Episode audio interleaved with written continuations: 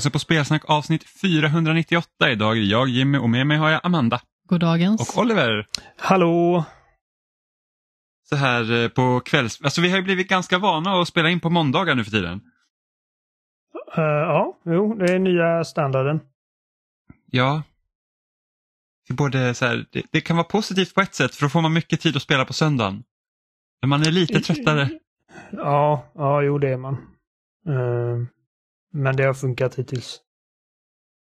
Ja, uppenbarligen, för jag har fortfarande inte missat en vecka. Nej. Uh,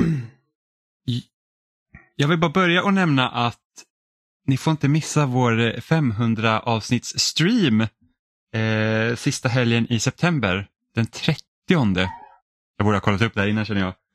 Eh, yes, 30 september så streamar vi spel hela dagen eh, för de som vill titta och så kör vi livepodd samtidigt. Eh, så mm. att, eh, kom gärna in och titta och eh, ställ frågor och annat roligt. Eh, det blir säkert Mario Party och Smash och lite annat som vi kommer sitta och spela den dagen. Eh, så det blir kul. Och sen en annan sak, vi fick en kommentar för två avsnitt sedan egentligen av en kille som heter Isak på Facebook som tipsade om bröd till dig Oliver. Ja. Och jag, och jag tyckte att det såg så gott ut så att jag bakade. Jaha, vad tyckte du? Fantastiskt. Alltså ja, riktigt bra. bra. Vi, vi bakade i, eh, i lördags och jag åt sista biten eh, nyss.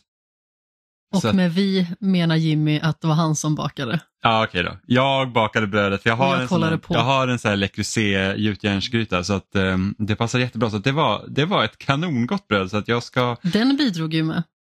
Ja, Den fick du i födelsedagspresent. Ja precis, och lite har det hjälpt till. Ekonomiskt. eh, det, det, var verkligen ett jättegott bröd så att jag, om man följer Spelsnack på, på Facebook så kan man gå in och titta på eh, posten för avsnitt 496. För där står hela receptet. Jag har tagit en screenshot på det receptet, jag har sparat det i mobilen nu. Så att eh, det var äh, det var riktigt bra. Det är första gången jag gör sånt här gjutjärnsgrytebröd. Och det blev supergott. Jag kan bara instämma. Så nu får du också baka Oliver. Ja, men det får jag när jag har tid och, och ork. Mm. Det var inte, alltså det var inte så jobbigt. Det, enda, det, det, det, jobbigaste var typ att du behövde liksom hålla koll på timern när det var i ugnen. Mm. För att annars gör det i princip sig själv. Sen vet inte jag om du har en sån här köksmaskin heller så du kan knåda degen. Då, då är det ju lite jobbigare om du måste knåda degen själv. Man har en ganska blöt deg så att det... Fan med mina bara arma händer. Ba, bara nävar. Ja. Ja. Men vi har inte bara bakat bröd utan vi har ju spelat i vanlig ordning eftersom det är ju spelsnack som sagt ni sitter och lyssnar på. Eh, och vi kanske borde döpa om oss till brödsnack. Ja, brödsnack. Ja, det hade varit en liten så här receptpodden. Ja, nu att... har vi pratat bröd i typ ett par minuter i två avsnitt i rad. Nu jävlar. Ja, nu, precis. Nu det... Ja, men det kanske hade gått hem. Dags jag att byta varumärke. Jag kommer ihåg när vi liksom började synas i topplistorna på, på eh, iTunes och när de tog bort liksom tv-spelssegmentet som man hamnar med liksom typ hobbys. Då var det Nerdic Knitting som alltid låg i topp och det retade mig så in i Norden. Jävla stickpodd. Men ja. Eh, så, att, så att vi kanske så här nya så här brödreceptspodden får stuva om helt och hållet. Så kan vi streama där avsnitt 500 när vi står och bakar bröd. Vi har två recept. Ja, två recept. Så bara, det, här, det här är ett riktigt långkok. Det, det, ska ju faktiskt, det här brödet som vi fick recept på, det ska ju faktiskt jäsa över natten. Så kan man ju liksom sätta bara kameran så här, mot brödet, så bara, nu jäser det. Så bara ses om 12 timmar. Det var i alla fall inte en lika aggressiv jäsning som dina bullar.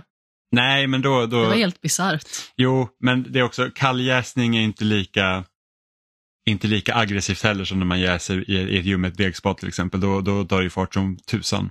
Ja, men precis. Eh, men eh, superbra recept. Men vi har som sagt spelat spel eh, och jag vet ju att både du och jag Oliver vill fortsätta att spela Starfield. Hur mm. långt har du kommit? Jag är nog typ eh, 30 timmar in med det här laget. Och eh, jag har gjort, just nu håller jag på och eh, infiltrerar den här piratorganisationen Crimson någonting. Crimson Fleet. Crimson Fleet. Jag höll på att säga Crimson Dawn, det är någonting annat. Uh, men ja, Crimson Det första Fleet... som kom upp i mitt huvud var Crimson Peak och det är en film. Ja, det är det. Ja, Crimson Dawn är ett, ja just det, det är det där eh, brottssyndikatet i Star Wars. Som Darth Maul styr. Okej. Okay. Precis, så jag, så jag har fått av uppdrag av, uh, av United Colonies Vanguard att uh, få liksom den här ledaren och det här eh, piratsyndikatet att lita på mig så att jag kan samla bevis. Och man ställs inför massa jobbiga typ, okej okay, jag vill att du dödar den här personen eller jag vill att du snor detta. Och samtidigt så har man liksom en överbefälshavare som säger att du får absolut inte döda någon. Så man måste hitta kreativa lösningar på de här problemen. Och eh, det är rätt spännande. Det är kul och jag, och jag, tycker att det är där Starfields liksom riktiga styrka ligger i, är i de här liksom parallella små quest, eller små, ganska stora questlines många gånger, men som inte har så mycket att göra med huvudnarrativet om upptäckten av artefacts och grejer. Ja, huvud, huvudstoryn, eh, så långt som jag har kommit i alla fall, är fortfarande liksom rätt så trist. För det är liksom, för de uppdragen är typ samma sak. Det är typ så här, ah, gör det här uppdraget och i slutet så hittar du en artefakt. Och det är det. Mm. Och det är liksom bara så att varför, alltså det känns nästan lite som Oblivion eh, och sina Oblivion Gates. Där var det också mycket så här, det var att ah, men här har du en Oblivion Gates och så gick du in i den där jävla Oblivion Gaten, alla såg likadana ut, skittråkiga. Och man bara så här, varför ska jag göra det här? Eh, ja. Nu är inte Starfields huvuduppdrag lika tråkiga som Oblivion Gaten men det är fortfarande liksom så här att okej, okay, jag känner liksom inte, jag har inte, jag har inte riktigt några stakes liksom i huvudstoryn. Medans det här Crimson Fleet, jag är också där eh, just nu och håller på, eh, vilket är, är, riktigt spännande och hittills höjdpunkten i spelet. Har du alltså. infiltrerat alltså. dem eller har du bara joinat dem? Jag, jag vet inte hur, jag har precis, jag ska se, jag snodde ett skepp från eh, under ett uppdrag då. Så att jag är liksom, jag, jag är med på grund av då eh, de här vad heter de, organisationen, poliserna som håller koll. Ja. US bla bla någonting. Hur kom, det, hur kom du i kontakt med dem? För att jag, kom... gjorde, ja, för jag gjorde ett annat sidouppdrag där jag liksom skulle tillverka droger. Eh, för att jag har inte smugglat någonting i spelet. Jag har liksom inte försökt vara skurkaktig utan jag, liksom, jag, jag är ganska laglydig. Eh, och jag gjorde ett annat sidouppdrag där jag, jag, tog fram liksom droger och av någon anledning så har jag säkert fått med mig drogerna på mitt skepp utan att jag vetat om det. Och det var så jag, jag blev liksom stannad. Jag är väldigt laglydig men jag gör droger. Ja men det var ett sidouppdrag som man behövde. Okej, okay, jag, jag har varit laglydig förutom det sidouppdraget jag behövde göra droger då. jag har hittat kontraband eh. men jag ser till att eh, jag eh, jag åker aldrig någonstans där de skannar mig. Utan det finns ett system som heter Wolf.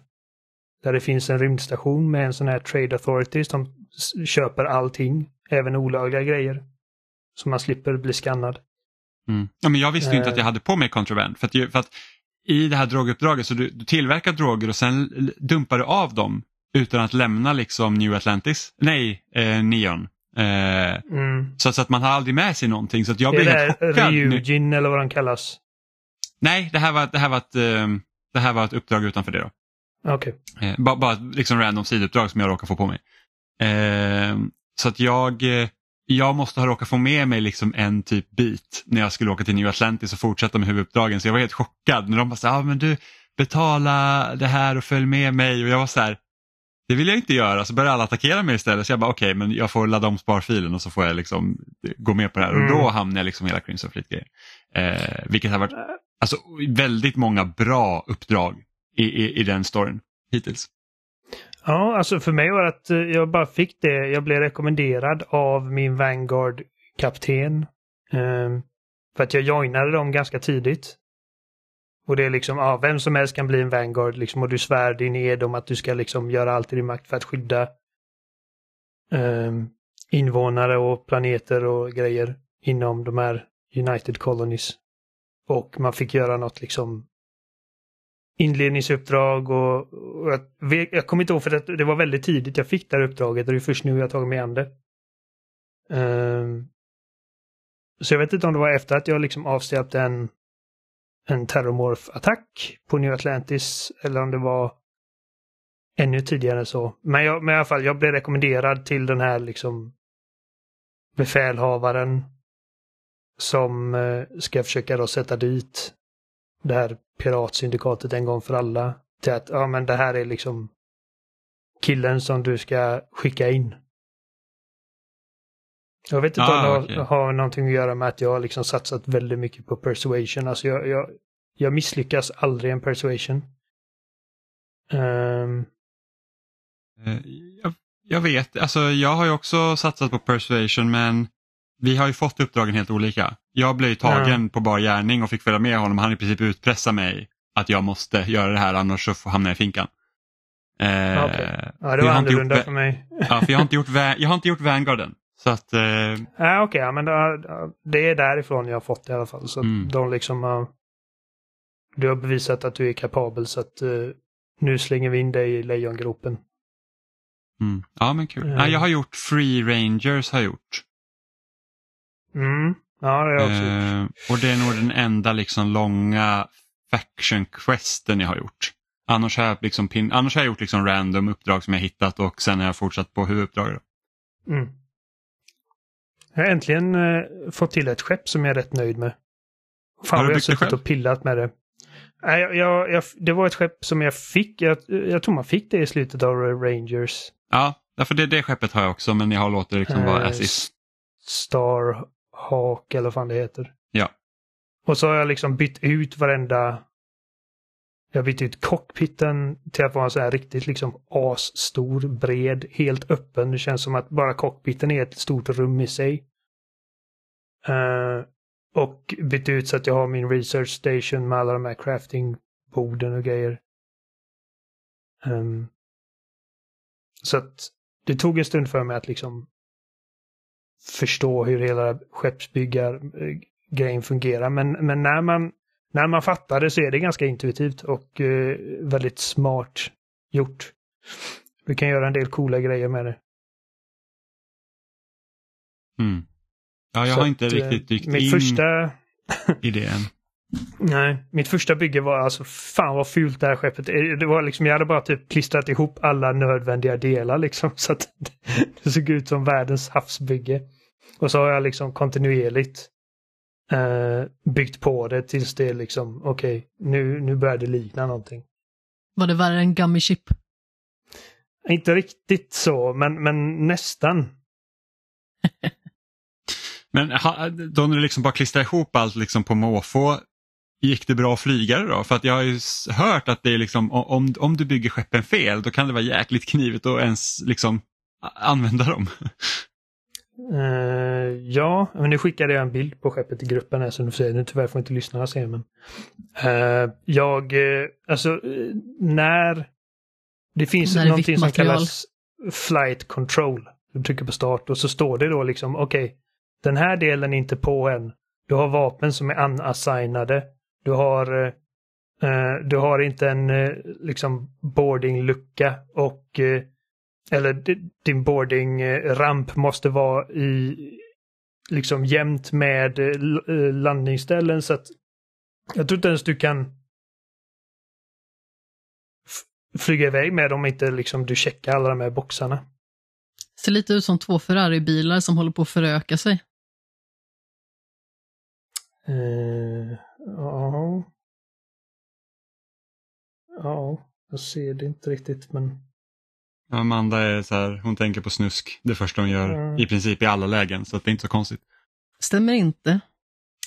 Eh, nej men jag tänkte bara att man kan ju säkert skapa ett skepp som är svårt att flyga även om du har checkat alla boxarna. Ja, svårt att flyga ja, ifall, du, ifall du bara liksom slänger på massa skit. Alltså, så här, din massa påverkar hur snabbt ditt skepp är och, och hur och hur mycket hur mycket hur bångstyriga de är. Mm. Eh, men som jag förstår det så kan du liksom inte göra ett skepp som, som inte går att flyga. Men får du typ inreda också insidan hur liksom skeppet ser ut? Alltså för att, för att jag tänker att ibland har man varit på liksom stora skepp där man säger att jag hittar fan ingenting i det här skeppet. Det är liksom typ tre Nej. våningar. Och man ska, men det är liksom, allt beror kanske på liksom de yttre delarna du sätter på och sen så bara typ slås det ihop. Eller? De kommer förinredda. De här olika habsen. Mm. Ehm, och så får du då liksom se till att du linar upp dem så att okej, jag vill kunna gå ifrån min battle station till cockpiten och sen ta en sväng, en trappa ner från cockpiten så är liksom the living quarters och så, så får man liksom planera ut det hur man sätter dem. Och man ser okay. liksom vart de olika dörrarna connectar. Uh, och så kommer de förinredda, jag menar, liksom så här, prylar överallt så att det ser ut som att det faktiskt jobbar folk där. Uh, lite, någon växt här och där. Så kan du sätta fönster på så att du har utsikt. Um, och sen så eftersom att spelet har, man kan ju, för jag hade velat hade jag säkert kunnat liksom släppa, om jag plockar upp liksom en typ uh, sån här fotoram eller någonting så hade jag kunnat släppa den på mitt skrivbord. Ja, precis. Um, allt ja, skräp man har plockat upp liksom. Ja, precis. Nej, men det är, alltså, jag, jag, är väldigt investerad i spelet och det är som, som, sagt som jag sa förra gången att eh, jag finner det svårt att lägga ifrån mig ibland. Så när man är på ett riktigt spännande eh, på ett riktigt spännande questline. Och man, eh, jag blir väldigt investerad i liksom eh, mitt skepp så jag nu känner mig ganska nöjd men det liksom var mycket energi och en stor motivation till mig liksom är att få till ett skepp som jag är väldigt nöjd med. Alltså, det här skeppet den har fyra sådana här riktigt dyra eh, Proton lasers. Så jag behöver inte ens missiler. Jag, bara, alltså, jag skjuter ner allt hur lätt som helst. Mm. Um, Men du bordar inte andra skepp då? Försöker det på den vägen? Jag, eh, jag brukar göra som så att det sista levande skeppet, det borde döda alla inifrån och så tar jag kontroll över skeppet och säljer det. Men bara på, på liksom bad guys skepp. Alltså jag, jag, jag tar inte över liksom... Jag gör inga olagliga boardings. Nej, utan det är nej, bara du behöver, som du behöver bli, mig. Du behöver bli attackerad först. Precis. Mm. Um, nej, jag, jag har ju liksom kommit egentligen till den punkten nu att nu känner jag ändå mer bekväm med spelets mest grundläggande system. Att det liksom, nu känns det nice att spela, det känns inte som att jag bråkar så mycket mot spelet längre som det gjorde i början. Mm. Eh, man vill hitta sin det, fotfäste liksom. Ja, och det gör att det är ganska skönt liksom, att ja, men nu fokuserar jag på det här och nu, nu gör jag några sidouppdrag här och nu kanske jag går och hämtar, liksom besöker de här artefakttemplen och gör grejer där. Eh, men jag har fortfarande liksom inte, som sagt, skeppsbygge har inte hållit på så mycket mer för att man behöver väl ändå rätt så mycket skills i techträdet för att kunna liksom göra, för att hålla på mer med skeppdes, äh, skeppdesignen. Liksom. Nej, inte för att, eh. så jag, jag tror att jag lagt en skillpoint på Starship Design.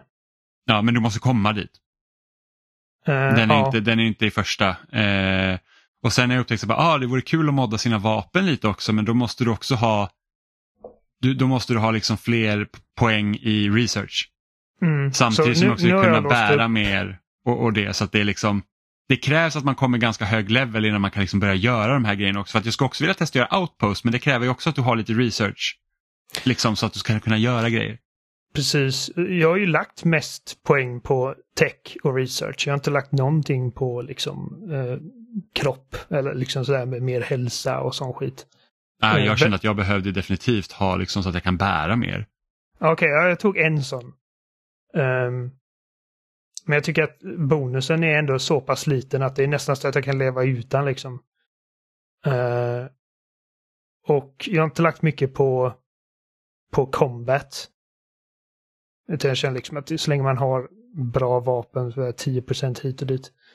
Um, så, nej, men, så min nästa grej är nu liksom att jag vill låsa upp så att jag kan uh, crafta riktigt feta modifications till mina vapen.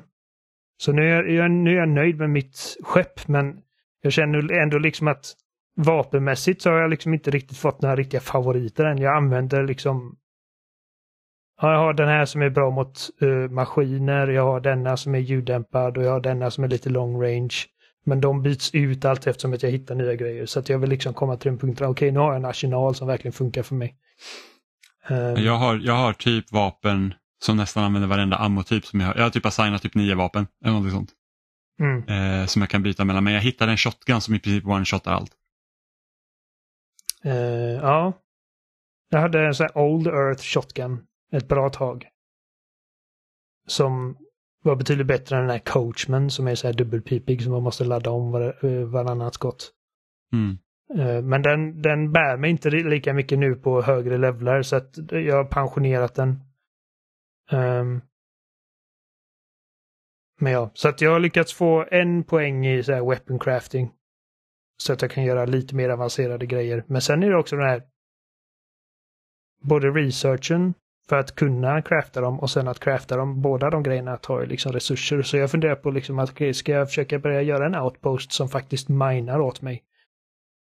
Uh, mm. Och det är liksom ny, nästa stora projekt antar jag, liksom att faktiskt lära sig för att det är också ganska komplicerat. Och jag tror att det är en sån grej som du måste liksom verkligen...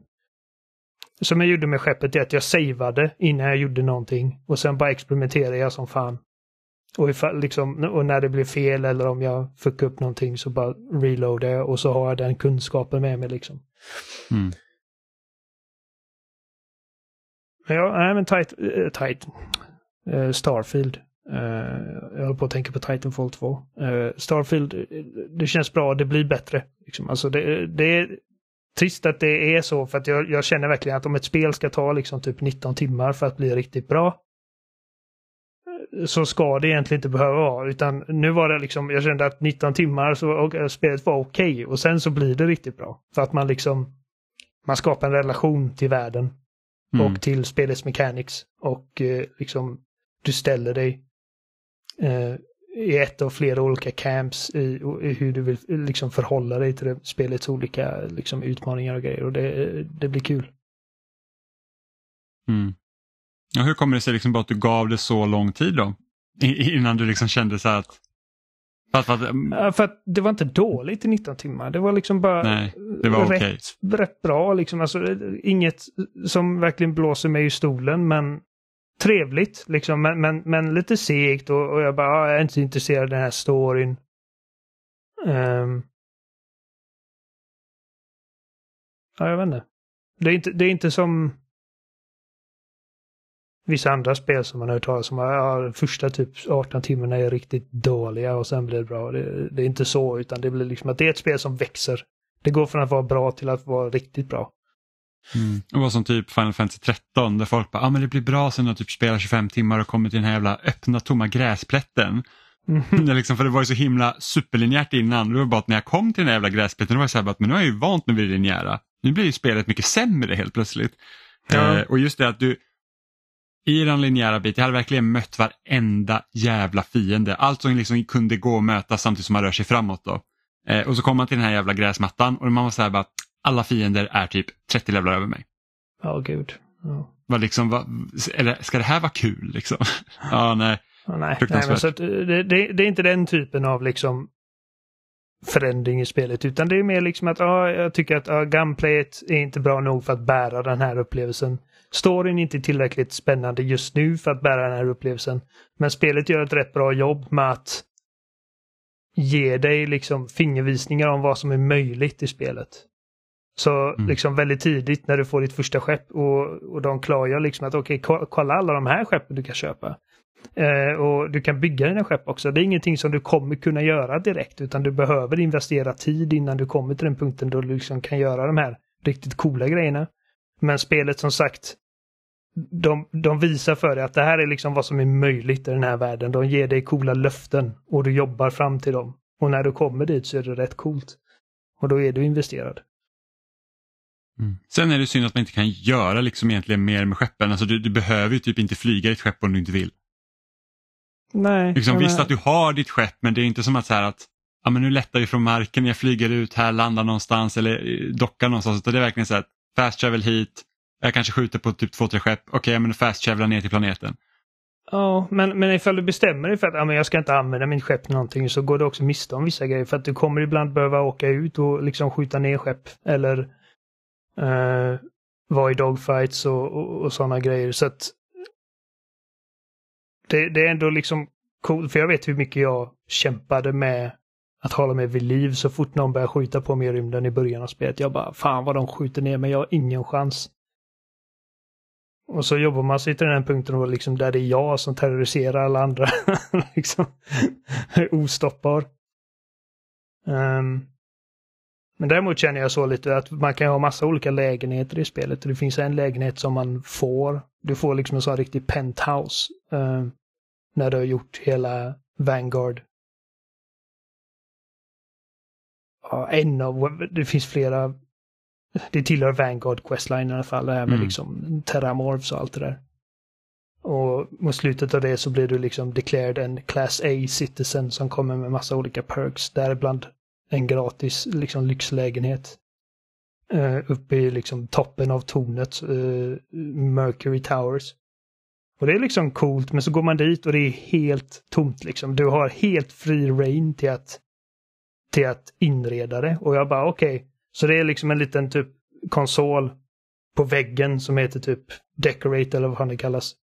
Mm. Eh, och så har du massa olika tabbar och olika kategorier med grejer. Så, så du kan sätta ut dina crafting stations, du kan sätta ut rent kosmetiska dekorationer som växter och grejer. Men allting kostar material att bygga. Och jag bara... Okej. Jag skulle kunna lägga massa tid på att inreda den här och liksom göra det till min liksom så här, eh, dröm sci-fi lägenhet. Men här kommer jag inte spendera någon tid egentligen. Uh, skeppet Ja, kan nej, jag i alla fall precis. göra grejer med liksom. Jo, men så är det. Det är väl mer roligt att ja, men du kan. ja, du Det, kan. samma sak. och, Du, det kom ju DLC till Skyrim där du kunde också bygga ditt eget hus där.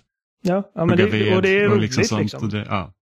Eh, det är roligt, men, men det är liksom inte en prioritet just nu. Så att, eh, om jag kommer till den punkt liksom att jag bara badar i resurser, förmodligen då efter att jag har skapat några outposts som faktiskt minar de här grejerna åt mig.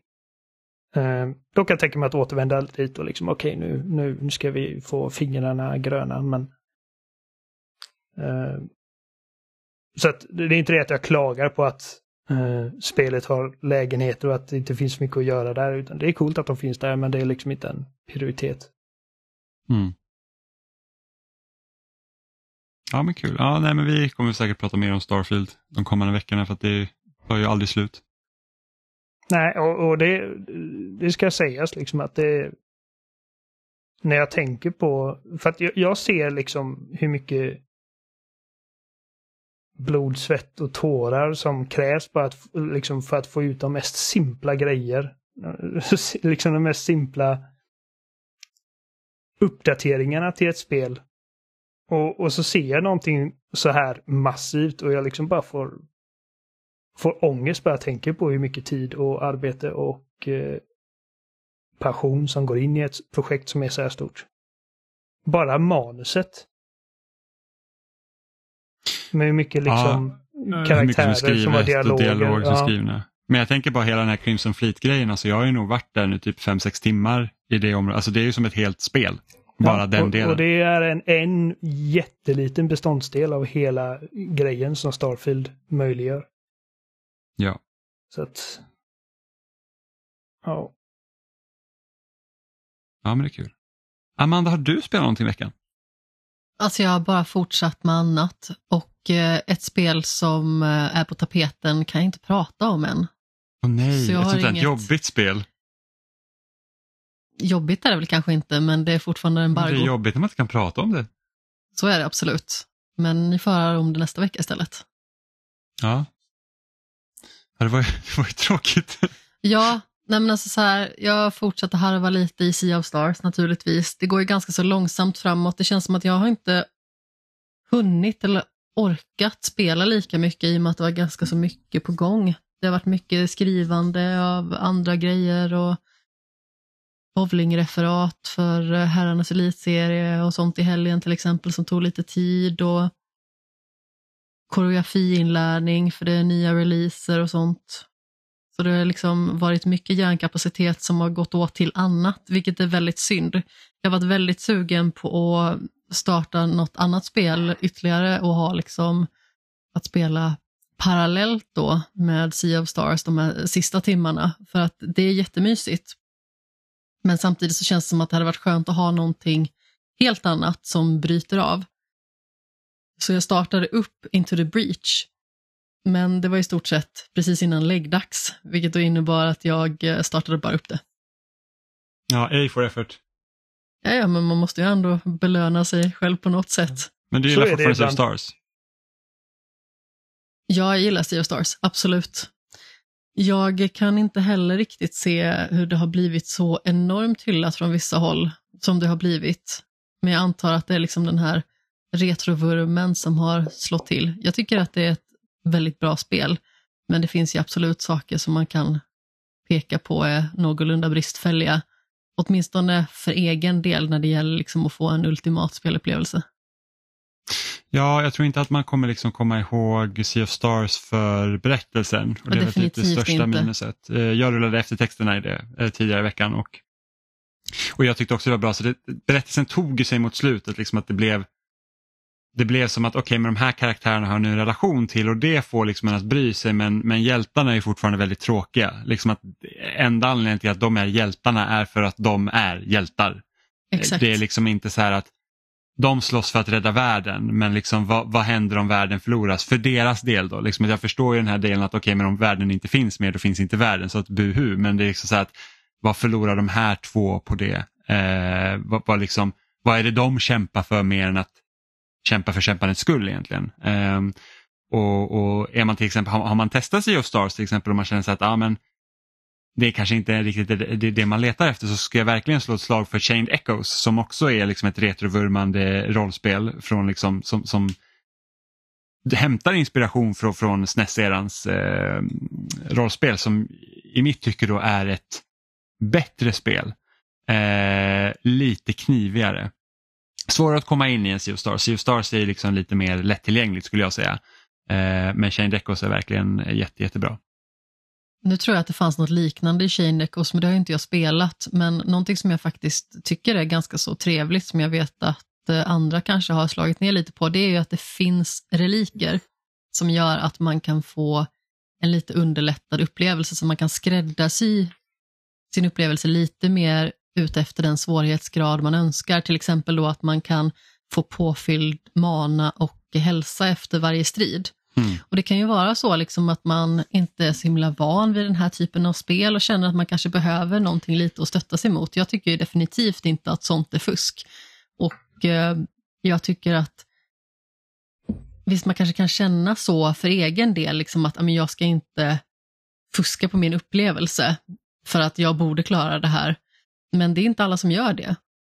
Och jag menar, Celeste hade ju en sån mekanik inbyggd Sen var det naturligtvis en ganska så bidragande faktor i att berättelsen blev som den blev, just på grund av att om man vågar liksom ta de här stöttepelarna så kan det också vara en viss symbolik för att ja, man vågar be om hjälp i liksom en väldigt kämpig period till exempel. Och hela Celeste handlar ju om psykisk ohälsa i mångt och mycket och eh, hur eh, huvudkaraktären hanterar det.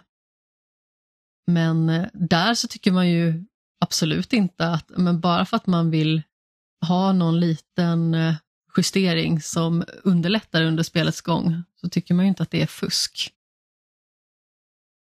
Nej, men jag är, jag är ett stort fan också att man kan liksom sätta på liksom små medel som ändrar. Liksom. Jag, I Shane Deckos, jag slog på den så att jag fick liv påfyllt varje gång efter en strid mot mm. slutet. För att det är så att, alltså, jag får verkligen ingenting ut av att jag måste springa tillbaka och hela till den här sparpunkten liksom, och, och, och se till att jag har det. Utan det är så att är det något jag gillar med, med, med moderna tappningar av liksom den här typen av rollspel, det är just det att du, du kör en strid, du är klar med striden, du får tillbaka ditt liv. Och så jag satte på den mot slutet också, bara för att det skulle liksom snabba på processen lite. För att jag kom till en gräns där det tar bara tid för mig att hålla på och, och, och fixa mitt liv hela tiden. Och mm. jag vill bara liksom, jag vill bara kötta på. Ja men precis och sen så är det ju så att säg att du är otroligt mycket duktigare på den här typen av spel än vad jag är till exempel. Det saboterar ju inte din upplevelse om jag gör någonting som underlättar för min upplevelse. Nej, precis. Så jag förstår liksom inte folk som eh, blir upprörda över sånt där, om jag ska vara helt ärlig. Sen så naturligtvis, eh, de kanske tycker att eh, det handlar om liksom att upplevelsen ska liksom vara ren från den typen av saker, men det är ju bara att inte applicera dem själv då, egentligen. Ja, men exakt. Det är ingen vettig men... som håller på och klagar på vad andra gör med sina ja, spel. Det, det, är ju en, det är ju en, en, en fråga som alltid dyker upp när From Software släpper ett nytt spel. Inte lika mycket nu när eh, Armored Core kom. Men det är mycket för att Armored Core är betydligt lättare och betydligt snällare eh, än många av från Software-spel. Men när Elden Ring släpptes då, kom liksom, då blossade hela den debatten upp igen om liksom, borde Elden Ring ha ett easy mode etc. etc. Eh, och vissa känner liksom så här att Vissa känner att det, det, det skäl från deras upplevelse om de har klarat något som är svårt och någon annan inte har klarat det lika svårt. typ. Och Det är egentligen inte vad det handlar om utan det handlar om att alla ska kunna spela på sina egna förutsättningar. Speciellt om du har liksom eh, en funktionsvariation till exempel. Eh, men Oliver, du hade spelat lite Titanfall 2 också. Ja, du, alltså, åh. Det här. Alltså, för, för jag tror att om det var typ två, tre månader sedan så att jag och Adam och pratade om eh, att ja, vi är sugna på Mex i Armored Core. Och så pratade vi om, ah, fan vad cool Titanfall var. Det var fan typ, alltså en, en av våra liksom, nu talar jag för både honom och mig, jag förmodar även dig också, liksom en av de absolut roligaste multiplayer-upplevelserna i modern tid.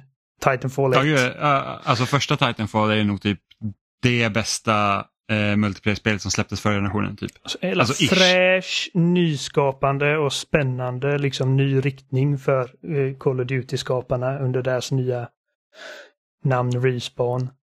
Och tvåan, medans jag kände att de gjorde vissa förändringar till liksom spelets core, core-element. Eh, som hur Titans fungerade och att bandesignen inte var lika liksom hit till hit till hit. För nästan varenda jävla bana i Titanfall 1 är kanonbra. Ja, varenda bana uh, typ utom en. Ja, det är en. Ja, det finns ett undantag och jag kommer inte ihåg vad den heter mm. men jag kan se den framför Nej, inte, mig. För den var video som fan. I, I, övrigt så var det liksom ett spel med nästan bara skitbra multiplayer-banor. Och de uh, hittade liksom perfekt synergi mellan piloten och Titan. Ja. Det var liksom så här, hur de samverkar var liksom perfekt, hur de behövde ta hjälp av varandra och det, det försvann lite i tvåan. Det liksom gick mer åt nästan åt actionhåll. Jag gillar inte liksom att de tog bort uh, sköldarna från Titans. För att uh, nu var det liksom Men att de... du ska försöka hitta batterier och installera dem och då får du en sköld och så. Ja, ja och de blir mycket eh. mer sårbara så att de blir liksom mer en slit och släng resurs medan i ettan var det så här att okej okay, men du jobbar upp till din Titan och sen liksom liksom, ibland handlar det om att okej, okay, men det andra laget håller på att få väldigt många titans. Vi måste också snabba på att få titans så att vi liksom kan möta upp det. Mm. Eh, och liksom att när du hade en titan då var det liksom så att okej okay, men nu har du den här besten så att nu får man liksom laget antingen samarbeta och ta ut den här ena titanen som de har eller så får man liksom jobba upp sina egna titans och, och liksom på det sättet liksom försöka vända matchen till sin fördel. Men att tvåan blev, det kändes som att tvåan blev lite så att okej okay, men titans måste vara lite svagare för att du ska typ kunna springa och göra lite själv saker. Typ. Jag, jag vet inte, det, det blev väldigt, eh, det, det, blev i alla fall sämre kan man väl säga. Multiplayer-aspekten blev lite svagare men det är fortfarande ett oerhört bra multiplayer-spel. Och, eh, och sen med kampanjen, det fanns ingen kampanj i första spelet. Kampanjen i Titanfall 2 är hur bra som helst. Eh, ja, den är också bra. Så varje gång jag spelar om det så liksom bara växer det och växer det. Jag bara fan vilken, vilken jävla kampanj. Men i alla fall.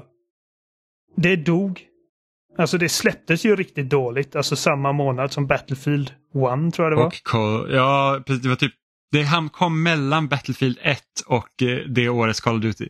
Ja, och liksom särskilt då liksom man tänker från EAs sida, liksom att ska ni släppa Titanfall bredvid eran egna största liksom shooter, multiplayer shooter-serie? Uh, Inte EAs beslut. Nej, nej okej. Okay. Ja, men Nej, vems det... beslut det än var så var det uh, rätt... Ja, det var dumt. Alltså det, det, alla kan vara med på att det var dumt. Tvivelaktig timing. Um, så att det, det hade inte jättelång livstid och jag vet att jag och Adam vi hoppade in för typ två, tre månader sedan. Bara för att se hur många spelare det var. Det var typ 300 pers eller någonting worldwide. Mm. Och vi bara, alltså det gick inte ens att hitta match och vi bara beklagade oss. Fan, liksom, jag, jag saknar verkligen Titanfall. Och så när vi pratade om Armored Core för några veckor sedan och du sa jag hoppas att det här gör Mex populära igen så att Respawn liksom kan få mod till att göra Titanfall 3. Och jag tror att Apex Legends har alltid varit liksom det stora kruxet i detta. För att jag tycker att Apex Legends är det absolut, alltså tveklöst roligaste mest användarvänliga, bara coolaste jävla eh, free to play battle royale-spelet som finns på marknaden. Men det gör också att liksom, okej, okay, Titanfall, typ den identiteten har tappats lite. Nu är det Apex och jag stör mig, jag hatar det. Um, Och på PC så har det inte gått att spela för att fuskare har varit helt galna och liksom matchmaking-problem. Och plötsligt, bara helt random, förra veckan tror jag det var, så, så släppte Respawn en ny patch till spelet. Eh, på PC då, specifikt, för att det var där liksom de stora problemen var. Och communityt bara liksom ruschade in och det har liksom, jag tror till och med att det har slått liksom rekord i Oj. totala spelare samtidigt. Liksom, eh, det- det kom upp i över 20 000. det är Eh, nice. Och eh, det är på väg upp mot 27-28. Och även på konsol då, så jag gick in och kollade i eh, igår, vi spelade en stund, det var 8000 online samtidigt. Så det var inga problem Ja. att hitta matcher. Liksom, det går från att vara 300 till 8000. Och Ja, jag vet inte om eh, Armored Core har någonting med detta att göra. Men eh, det är inte omöjligt. Liksom, alltså sådana här eh, popkulturella liksom, evenemang får ripple effects. Mm. Och eh, alltså jag vet, jag vet ju know for a fact att Vincent Pella sitter och lyssnar på den här podden varje vecka. Så snälla Vince, alltså greenlighta Titanfall 3 för fan. Går det, att inte- spela, går det att spela Titanfall 1 fortfarande eller är det nedstängt? Jag vet faktiskt inte. Det vet jag faktiskt inte. Jag, jag, jag minns Eh, inte heller om servrarna stängt ner det, men det, det är ju liksom en sorg. Ja. Nej men alltså, eh, Titanfall 3, jag vill ha, det spelar ingen roll om det kommer liksom om typ fem år. Jag vet att ni har mycket med Star Wars och grejer just nu. Och jag vet att eh, du, Vince, som lyssnar på detta, eh, du har ju liksom en större övergripande roll på hela EA nu. Du, du hanterar inte Så bara alla ska göra Titanfall. Ja men va, precis. Titanfall Skate, men, det- Titanfall det- Fifa, de har spelat fotboll i Titanfall. Ja, nej, ja. Nej, men jag, jag vill bara inte att den här, liksom, alltså förmodligen, jag försökte tänka på detta förut, jag kan inte komma på, detta är förmodligen den bästa, liksom, first person shooter serien att släppas sen Halo. Och jag vill inte att, det- att det ska ta slut med Titanfall 2. Vi behöver mer.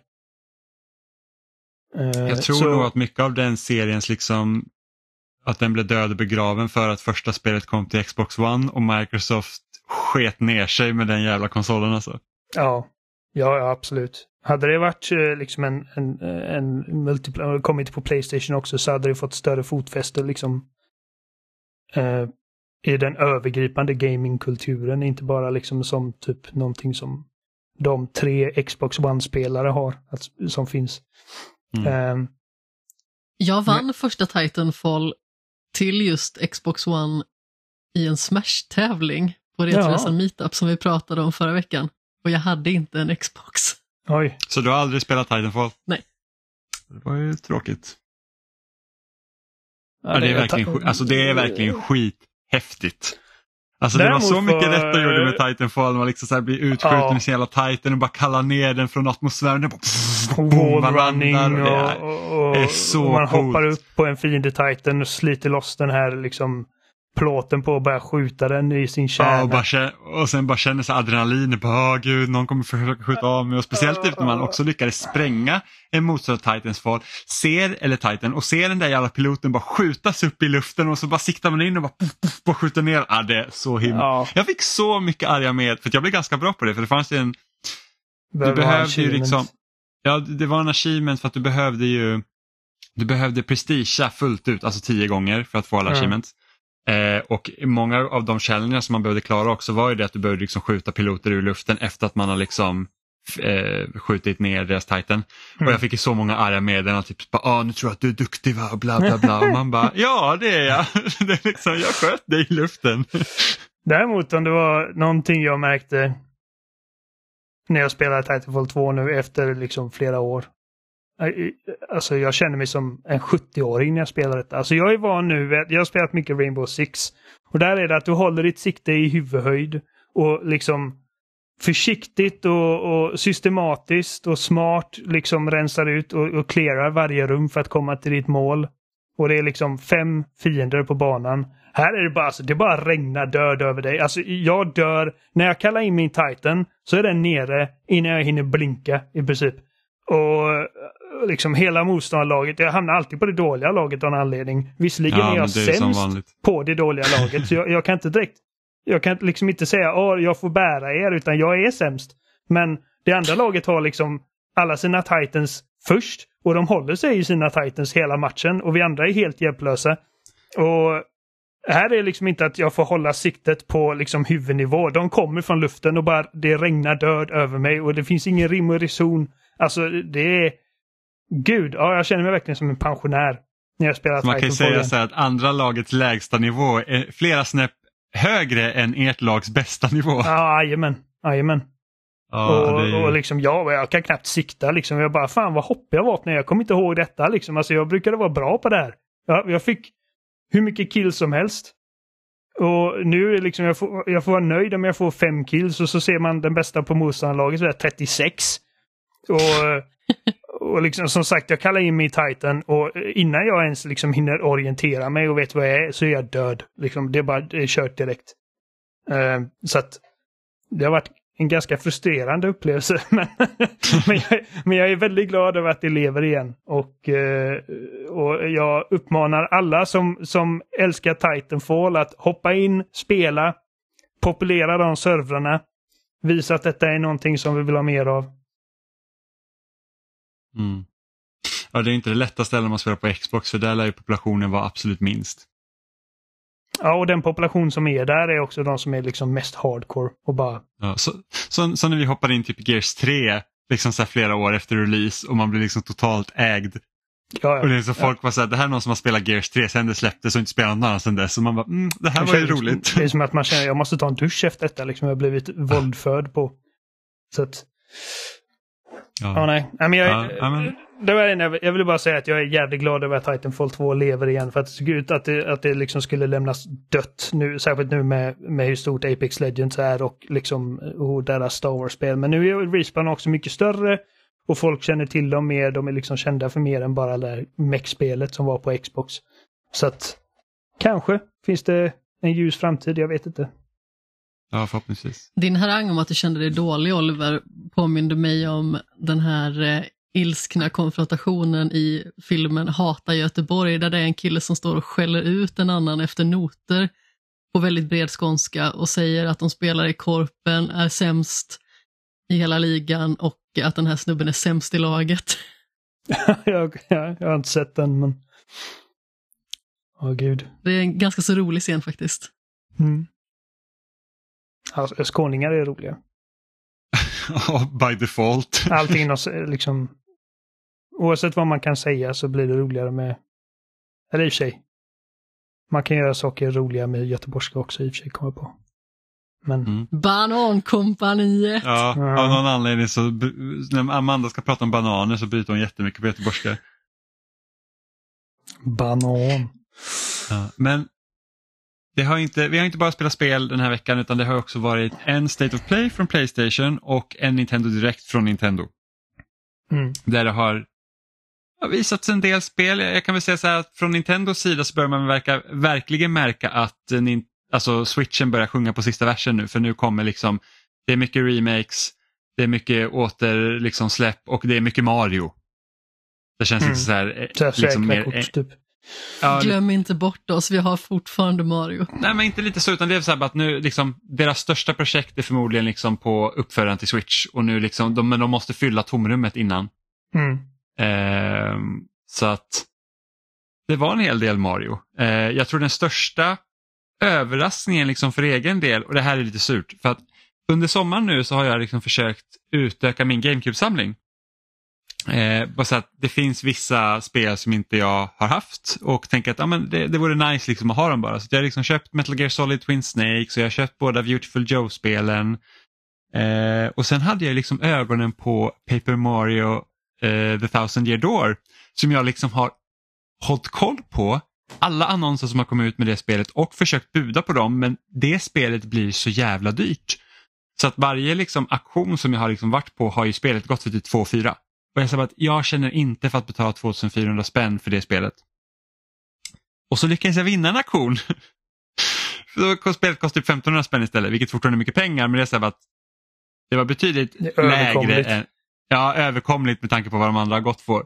Och samma dag som jag får hem mitt Paper Mario The Thousand Year Doors utannonserar Nintendo en remake av samma spel. Och man var så här, vad i helvete? så att Ja, ja, ja nu sitter jag med, jag har originalet och jag kommer förmodligen köpa remaken. Så att eh, ja, eh, men det var kul. Jag, jag tycker ändå det de senaste åren så tycker jag ändå Nintendo har verkligen steppat upp i att erkänna GameCube som spel. För att vi har ju liksom fått, alltså vi fick ju både Pikmin 1 och 2 i år och vi har fått också Metro Prime Remaster. Eh, Namco släppte Baten Kaitos eh, remaster som släpptes i torsdags. Eh, och de spelen fanns ju också bara på GameCube. Så har, jag tycker det har varit en väldigt bra uppsving för eh, GameCube-spel överlag. Ja. Jag har inte spelat mycket, eller jag har inte spelat något Paper Mario, men jag har hört att Thousand Year Door är det som folk tycker är bäst. Ja. Det, ja, eh, så som jag har förstått så ska ju liksom det vara spelet som har bäst karaktärer. Och sen ändrade Nintendo någon policy de senaste åren, typ att de har blivit mer konservativa vad du får göra för karaktärer i Mario-världen vilket har gjort att de senare Paper Mario-spelen inte har haft liksom lika många liksom, unika karaktärer som sticker ut. Det är typ en miljon Toads och så får man vara typ nöjd. Medan eh, Thousand Year Door ska ju liksom vara jättebra. Jag gillade dock Origami King väldigt mycket. Jag tyckte att det spelet var kanon. Ja, det väl det senaste va? Precis. Eh, sen släppte de ju också, de har gett livstecken till F-Zero Ja, med. F-Zero 99, vilket också var så här typ att, ja, alltså Nintendos 99-koncept är ju kul, liksom det, det, det är roliga Ja. takes på Battle Royale. Eh, tycker fortfarande Tetris 99 är bäst. ja, definitivt. Och jag spelade också F-Zero 99 och det är liksom kul. Eh, jag är inte jättebra på F-Zero, speciellt inte Super NES F-Zero. Och roligt nog, jag tror det är typ ett av de första spelen jag spelade alltså någonsin. Eh, men jag har varit inne och lirat lite, och jag kommer nog inte lira så mycket mera eh, av det. För att det är liksom så att du, du hoppar liksom, antingen hoppar du in i ett race eh, och så är det så att det är fyra varv och sen så efter varje varv så, är det liksom, så skalar man bort ett, ett antal motståndare. Så att liksom det är 99 från början och sen efter första varvet så är det 80 kvar och sen är det 75 kvar och lite så. Eh, så ska du försöka komma så långt som möjligt. Och då, då när du levlar upp och liksom kör race så, så tjänar du ihop ticket så du kan köra Grand Prix. Och där kör man fyra race på rad. Där folk skalas bort mer och mer. Så jag tror sista racet då är det typ 25 förare. På, på liksom hela banan. Eh, och så ska du försöka vinna. Så att det, det är det är, en, det är en ganska rolig också take på, på Battle Royale men jag känner liksom inte, det, det är inte, jag känner inte liksom samma grej som i Tetris 99 när man liksom ser att folk bara rinner bort och sen är ni nu några, några kvar liksom och så ska man liksom försöka. Så att det, det är inte riktigt samma spänning men det, det, är en rolig, det är en rolig idé, det tycker jag. Mm. Ehm, Såg ni någonting på Nintendo Directen som var liksom såhär, oh wow, nice. Nu kommer jag vara Ja. världens tråkmåns, men det jag var mest exalterad över var att Dave the Diver fick ett datum för när det släpps på Switch. Ja, och det är kul att David Diver kommer till konsol också för det är ett riktigt bra spel. Jag tror inte vi har pratat om det i podden. Du har bara nämnt det i Ja, förbifarten. jag nämnde... Jag spelar, ja, jag har spelat Dave the Diver eh, där man liksom, man är en dykare, fångar fisk, har en sushi-restaurang och, och gör mat. Liksom. Det, det är ett väldigt, väldigt bra spel. Det är som tre spel som de har typ mashat ihop i ett. Och som i många fall skulle kunna ha varit en total katastrof men alltså Dave the Diver är ett av årets liksom, liksom toppenliv. Så att det är jättebra. Det är kul att det kommer till Switch. Det är två stycken spel som inte jag har hunnit med än, som baseras på fiske. Och det är Dredge och Dave the Diver. Ja, ett bra fiskeår i år alltså. Man kan även fiska i Sea of Stars. Det, Ja, det har jag gjort. Ohälsosamt mycket Ja, som vanligt. Inte lika roligt att fiska i det spelet. Likväl står man där med spö i hand. Ja. Såg du någonting Oliver som du tyckte var spännande? Jag re- reagerade på, gre- på grejer, alltså Another Code.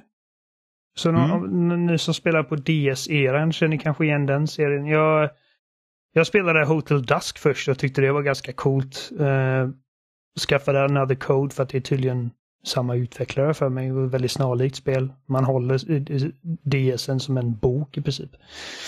Eh, och så här peka klicka mysteriespel.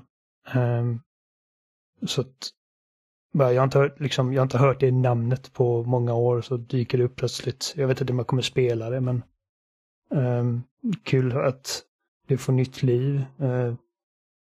Är lite sugen på Luigi's Mansion 2 för det är typ det jag spelat minst. Um, Alltså det, det spelet tycker jag om minst av de ja, tre. men det är det som jag har hört också. För att, eh, som, hade det kommit en uppföljare på Luigi's Mansion 1 till liksom en stationär konsol så hade jag nog skaffat det. För att, eh, men just liksom att det kom till 3DS gjorde att jag var mindre intresserad. Som liksom så här, inte lika spännande. Eh, men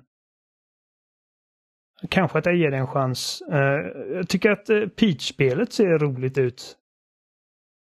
Återigen, Mm. inte säker på att jag kommer spela det, men jag tycker om att de liksom, när de ska göra ett Luigi-spel så att de inte bara tar, okej, samma Mario-plattformande och slänger Luigi in i det, utan att de gjorde liksom till så här lite så här barnvänlig Resident Evil-klon. det han går runt och harar sig och suger upp spöken och här har de, har de också funnit liksom en kul liksom hook med, med Peach, liksom att det verkar utspela sig på någon form av teater. Och hon kommer röra sig mellan olika liksom sets och eh, anta olika roller. Som man ser, en av de tidigaste grejerna man ser i trailern är hur hon blir liksom någon sorts musketör med ett svärd. Ehm, och i nästa Ja, det känns lite som hon Mario liksom, blandat med Kirby. Ja, men lite så liksom. Med väldigt eh, dynamiska, liksom utbytbara scenarion för henne att ta sig an. Så en musketör en sekund och sen Sherlock Holmes nästa sekund och går runt med sitt eh, förstoringsglas och ska lösa nå någon gåta och sen är hon någon eh, kung fu-mästare och sen är hon någon kock liksom. Så att det är liksom så här lekfullt intressant och att det som sagt att det inte bara är liksom ett, ett så här run of the mill Mario-spel med Peach eller Luigi i huvudrollen utan att de får liksom sin egen lilla identitet utanför Mario. Um, och sen, jag, jag, jag vet inte, de visade mer av eh, det här Super Mario RPG. Jag vet inte om jag kommer spela det. Sen, sen verkar vara någon reimagining av Mario vs Donkey Kong. Um, vad var det mer? Och som sagt, mycket Mario. Ja, utannonserade någon sån remaster av Tomb Raider 1, 2, 3. De spelen håller inte särskilt väl. Och jag ser faktiskt jättemot fram emot den samlingen för jag har inte spelat något Tomb Raider original. Okej, ja men då Jag är har jag bara kört rebooten. Ja, då är jag jättenyfiken att höra hur, vad du tycker om det. Jag tyckte det var ascoolt. Så här 96 eller vad fan det var när det kom.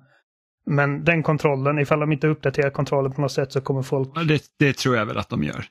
Det Ja, måste de göra. De måste ju modernisera det lite i alla fall. Jag vet inte, ja, if, ifall de har gjort det så ser man inga tecken av det i den trailern. Ehm, men ja, vi får se. Ifall du skaffar det så, så är jag jättenyfiken att höra liksom hur någon För att, som för spelar att det var, för tank, var, var det tank controls i det spelet? Ja. Mm, det vill jag minnas. Ja.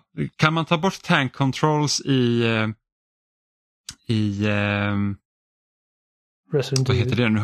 Nej, ja precis Resident Evil. Men det är inte det jag tänkte på. Jag tänkte på Gud, jag har bara Dave the Diver i huvudet nu. Det är det enda jag kan tänka på när jag försöker kläcka fram det här namnet. Det är, det är ett um, Lucas spel jättekänt. Uh, skelett i huvudrollen. Grim Fandango. Ja, tack. Fandango. Kan man ta bort tank controls i Grim Fandango kan man fan göra det i Tomb Raider som är ett actionspel. Ja. Så att jag hoppas ju. Men, men Ja. jag, jag ser faktiskt fram emot att spela dem för att det är liksom så här att det jag gillar liksom med, med ofta spel som kom då på så här 90 och början av 2000-talet det var just det att, liksom att oftast var det inte bara liksom en grej de spelen gjorde utan det var liksom, de var helt galna. Alltså det fanns ju hur mycket olika saker som helst att göra. och just det att, liksom, börja- fanns det fiender så var det oftast liksom inte du skjuter på fiender, det är det du gör i det här spelet och sen så kanske vi slänger in ett pussel utan så som jag förstår det som här är ju pusselorienterade med också strider. Så Ja. det, det ser jag fram emot att testa. Ehm, Jag menar, du hoppar typ tre meter upp i luften och gör massa somersaults. Och eh, det börjar med att du skjuter på tigrar och sen kommer en T-rex. Och sen Ja, Tomb Raider 2 börjar med att du eh, simmar ner till något vrak och blir jagad av hajar. Och, och liksom det, sånt som var ascoolt när jag var yngre.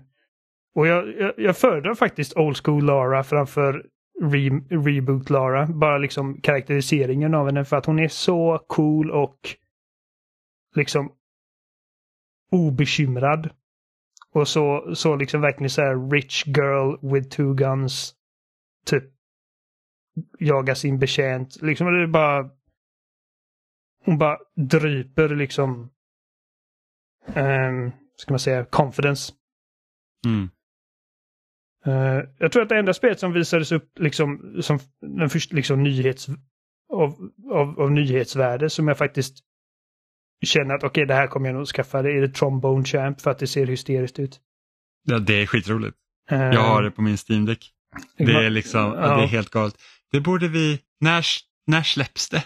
Det är ute nu, så det kom, eh, ja, just kom det. Vi kanske ska köra en liten trombone champ på Ja, men det stream. För, för, att det låter att verkligen helt... Alltså det... Ja, för jag tror klassisk musik borde inte vara något problem att streama. Nej. Det, det, det är fritt. Free use. Ja, jag vet inte. Alltså... Men, visste du, eller visste ni att switch-kontrollen hade en liten kamera på sig? IR-sensor. Det är ingen kamera. Jag vet. Ah, Okej, okay. men, IR-kameran, jag visste att den hade IR men jag har ju aldrig liksom tänkt på att du kan använda det så som de använder det. Det såg man också i den här Warriorware-trailern och sen så eh, då Trombone Champ, det här med att man kan föra handen fram och tillbaka ja. och så mäter den liksom avståndet. Jag var så här bara what? Det visste jag inte att man kunde göra. Jag tror att det enda spelet jag äger som använder den det är väl One Two Switch. Ja, det har jag inte spelat. Men, det såg ut som ett fattigt ja. WePlay. Ja, det är och det WePlay också. var fattigt redan från början. Alltså, det var, alltså WePlay var verkligen inte bra. Folk köpte det för att de ville ha en extra handkontroll för att det gick inte att få tag i handkontrollen. Nej, precis. Även om biljardspelet i WePlay var jättebra. Alltså det var typ, min pappa som inte spelar tv-spel körde väldigt mycket Wii med oss när vi var små. Just på grund av att det var så intuitiv kontroll. Och vi spelar ju biljard och jag lyckades aldrig slå någon på det. När vi var små, att- 15 och 16. Ja, man är inte så jäkla gammal när 15 det är fan nästan 20 år sedan. Ja, jo, jo, men vi är gamla nu liksom. Det, Ja, precis. Och då var vi små. Jag, Ja. Man är inte gammal när man är 15. Eh, nej, nej. Men, men jag bara så så, att- att ingen tror att eh, det var typ, ja, det var Ja, okej, fyra. nej, vi, vi är inte lika gamla som typ Alexander var. Typ Wii var hans första hemkonsol. Liksom. Man bara, what? Mm.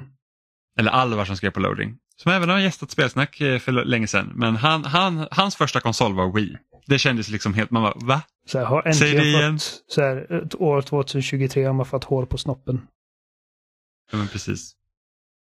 Ehm, ja, nej men det var liksom, det var väl en helt okej Nintendo Direkt. Liksom. Det, var, det, det kom en massa spel och eh, det började liksom, de, de trappar upp, eller trappar upp, de, de, de förbereder sig för, för Switch 2 helt enkelt. Ja. Jag tycker inte direkt någon av visningarna var jättespännande.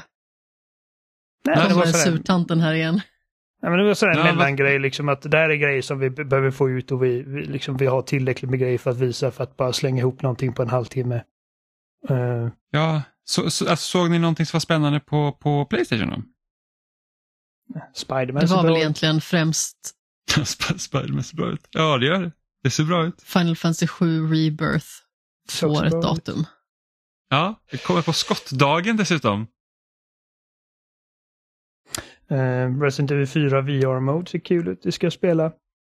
Separate Ways DLC ska jag spela. Inte nu för att det är så jävla mycket annat nytt grejer. Så att det blir senare som eh, jag spelar DLC till Resident Evil 8 väldigt sent men jag tyckte om det. Så att det blir någon gång. Eh, Ja, det, det, det känns helt sjukt att uh, Separate Ways bara släpps sådär. Och jag har för mig att den kampanjen är väl ändå rätt så lång. ah, kan ta igenom den på ett par timmar. Ja, men du kan klara Resident Evil 4 på ett par timmar också första gången. Eller Ja, för när du kan det liksom. Jo, ja. Så att det, är, väl- allt är väl relativt.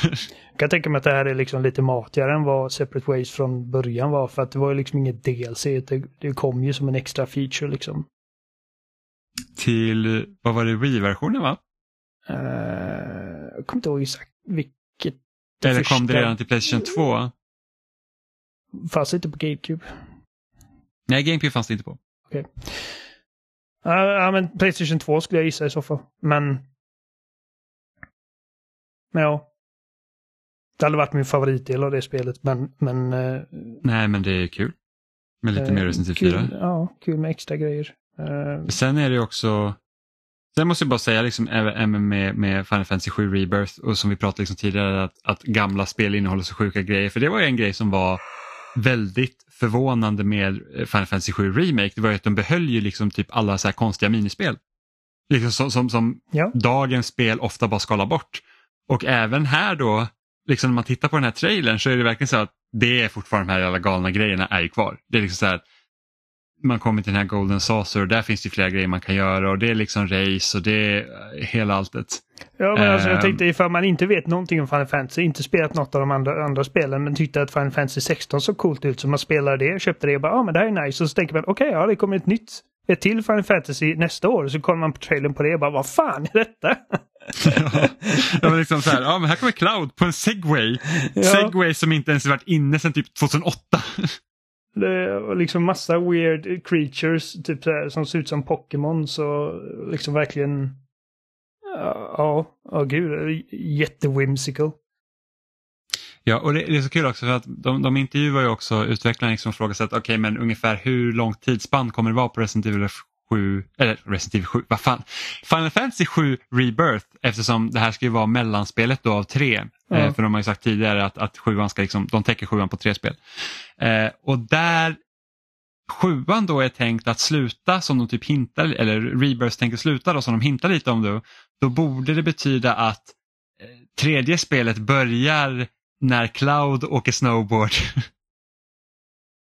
Det Ja, hade ju varit inledning. jätteroligt om, om det hade varit inledningen på, på sju, vad det nu kommer heta, och så bara kommer Cloud på en snowboard. Jag tänker det är lite som så här, Det första börjar Inled- med Cloud sitter på det här tåget och bara dö, dö, dö, dö, dö. Det är ascoolt man ska liksom Ja. infiltrera den här stora hela Mako-reaktorn och typ utföra sitt terrordåd. Och det sista börjar med bara yeah, snowboarding. ja precis, jag tänker lite så här typ som inledning i Halo 5 Guardians när liksom de har en så här introvideo på när alla så här spartaner typ hoppar mot skärmen och det ser jättetöntigt ut. ja. Nej men alltså Final Fantasy 7 ser jag så otroligt mycket fram emot. Alltså remaken är ju verkligen, alltså det är typ mitt favorit, alltså moderna Final Fantasy. Jag tycker att det, det, alltså det var så himla bra. Samma här. Du har inte fortsatt på originalet Oliver? Den. Nej. Hur långt kom du? Jag vet jag frågade här för inte så Det länge har sedan. Hur precis långt kom öppnat du? sig. Ah, Okej, just det. Ja, det. Ta en guide och kolla vart du ska. Det är mitt tips. Ja, men spelet är ganska långt va? Jo det är det, men med, med, lite, med lite speed och, eh, och eh, vad heter det? Guidning. guidning så kan du ta dig igenom det. Ja. Eh, yes, men klockan rullar på och det har blivit dags för quiz. Hoppla. Det är nästan så att vi borde ha en liten jingel till vårt quiz-time här men eh, man kan inte få allt. Och det är jag som har skrivit frågor den här, den här, ja precis. Ja, det är bra Oliver. Eh, det är faktiskt jag som har skrivit frågorna den här veckan och vi, vet, vi minns ju för tre veckor sedan hur det var då. Det var många sura miner på grund av mina frågor. Obehagligt var det. Men jag, jag har skrivit fem, enligt mig då inte helt omöjliga frågor. Som jag I tycker ändå- retrospekt så var de faktiskt väldigt roliga. Det känns som att eh, jag fick mer hat och hot från gemene man för min ena fråga förra veckan än vad du fick för dina fem frågor förra gången du hade det. Ja, men okej, du hade en svår fråga, jag hade tydligen fem svåra frågor. Jag fick väldigt mycket klagomål för att det inom citationstecken inte var en spelfråga. Jag tänkte att jag skulle vara lite så här lustig och kreativ och försökte ha någon lite halvrolig fråga sådär. Det gick inte hem. Ska jag aldrig göra om. Jag, jag Deus Ex Mankind Divided utspelar sig i uh, Tjeckien. Vem var Tjeckiens president år 1900? Men hans minne är typ så här, ah, i det här minispelet i Mario Party 4 så kan man så maximalt trycka så här många gånger på A-knappen inom en minut på det här minispelet. Hur många knapptryck är det? Det är inte en fråga by the way. Eh, men det, fin- det finns ett sånt sjukt eh, minispel i Mario Party 4 när man ska trycka på A så snabbt som möjligt och så kommer det upp sådana här s- stenblock. Och så många knapptryck man har gjort så, så många stenblock kommer upp. Alltså det var ju helt sjukt. Jag hade en kompis som var Alltså hon kunde trycka så snabbt på A-knappen att det såg ut som hennes finger typ gick i slow motion. Alltså man var så här, hur är det, alltså hon var så här helt outstanding på det minispelet. Ingen kunde slå henne. Och då är inte, jag är inte speciellt snabb på att trycka på A-knappen på det sättet, men jag, liksom typ Robin är snabb på att trycka på A-knappen och han var inte ens lika bra som henne. Helt sjukt. Okej, men här kommer första frågan eh, av eh, mina fem då. I Last of Us Part 2, eh, när man spelar det, så kan man komma på en fiende som spelar en PS Vita. Vilket spel spelar fienden?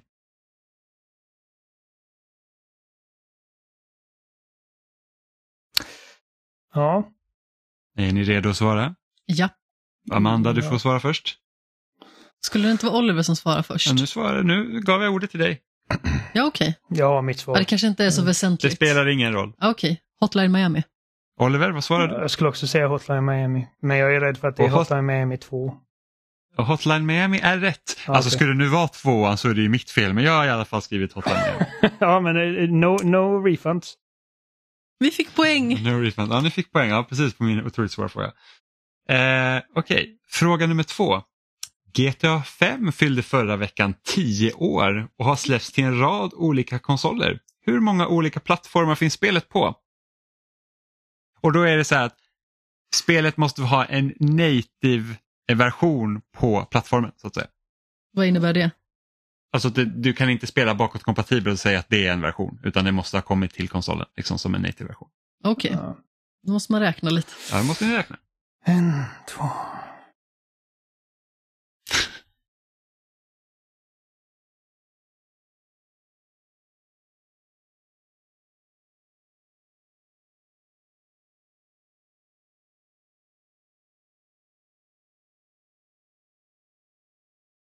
Var frågan hur många plattformar? Ja, hur många plattformar? Ja, jag har ett svar.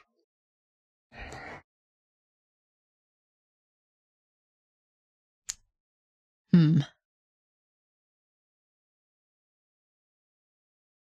Alltså jag kommer ju inte kunna värpa rätt fram. Ja, ni behöver bara kunna siffran. Min hjärna snurrade så hårt att bokstäverna och orden kom i fel ordning. Ja. Jag kommer inte kunna värpa fram rätt svar, skulle jag säga. Har, har, har, har du ett svar? Jag säger sex stycken. Okej, Oliver. Sju. Och Oliver har rätt. Skit! För att det, Eh, det är så väl platt- PC och så Xbox One, Xbox 360, Xbox Series och så är det Playstation 4, Playstation 5 och Playstation 3. Det stämmer. Ja. Åh. Du var inte långt ifrån Amanda. Nej, jag var så nära på att säga sju också. Nu låter det som en efterkonstruktion, men jag vandrade mellan sex och sju, för jag tänkte så här, Klassisk det känns som att jag har glömt någon. Vilken plattform tänkte jag. glömde du? Var det PC Eh, eller? Japp, Ja. Ja, jag är det, så Rock, fokuserad på konsolerna. ja, Rockstar glömde nästan PC själv också. Det kom så sent. Okej, då har vi fråga nummer tre. I arkadspel pratar man ofta om så kallade killscreens. Men vad är en killscreen? Oj.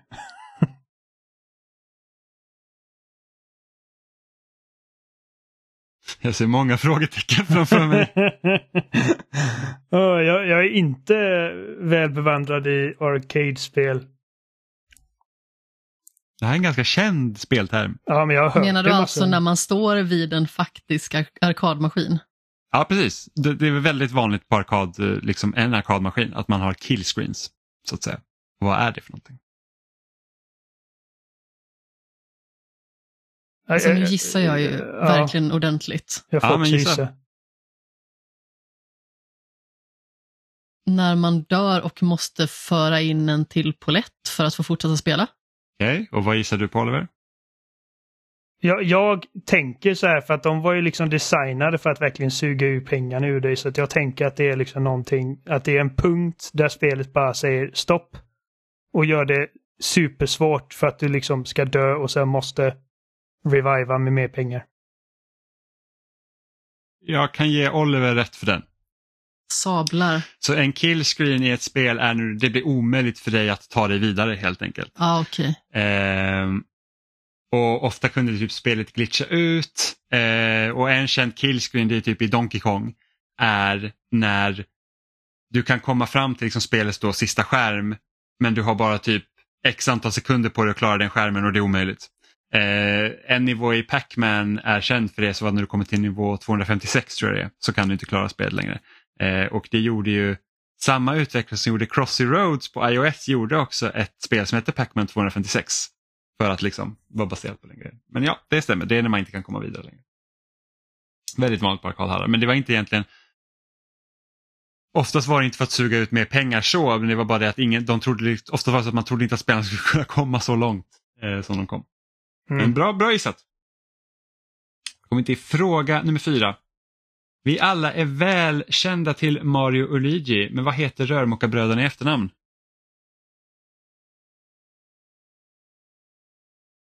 Ja, jag, jag har en gissning.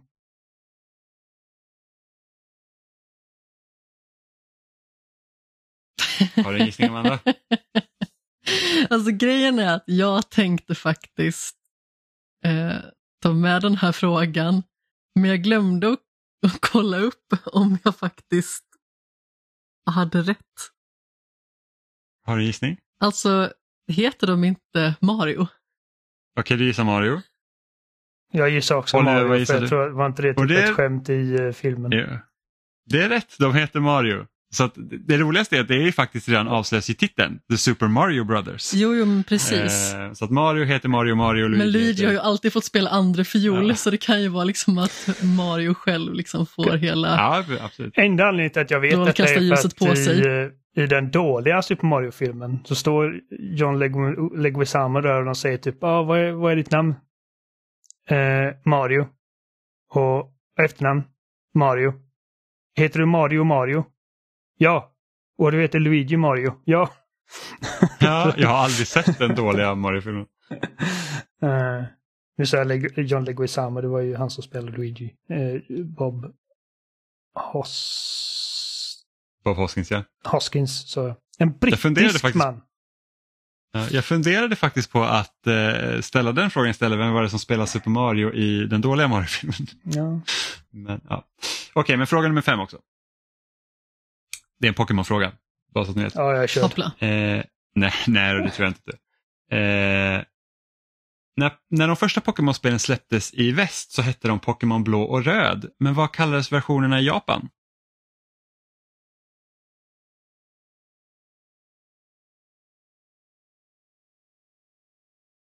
Mm. Ja, okej, jag har en gissning. Har Amanda gissning? Inte än. Nej, okej, oj, inte än. De hette röd och blå, eller blå och röd, här. Och i Japan hette de Pokémon hm och hm. Bara för att förtydliga. Oj. Jag känner mig verkligen inte säker på det här. Eh, jag gissar grön och röd.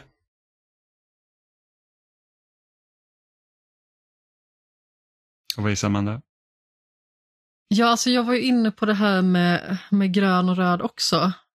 Eh, just på grund av att det fanns ju det här Leaf Green också som kom senare.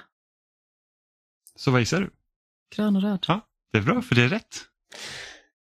Bra. Bra. Nu, nu, nu var ni kanske inte lika arga på mig den här veckan. Nej, jag är nöjd. Nu ska vi se. Satte du alla rätt Oliver? Eh, Jag hade tre. va? Ja, jag, jo du satte nog alla rätt.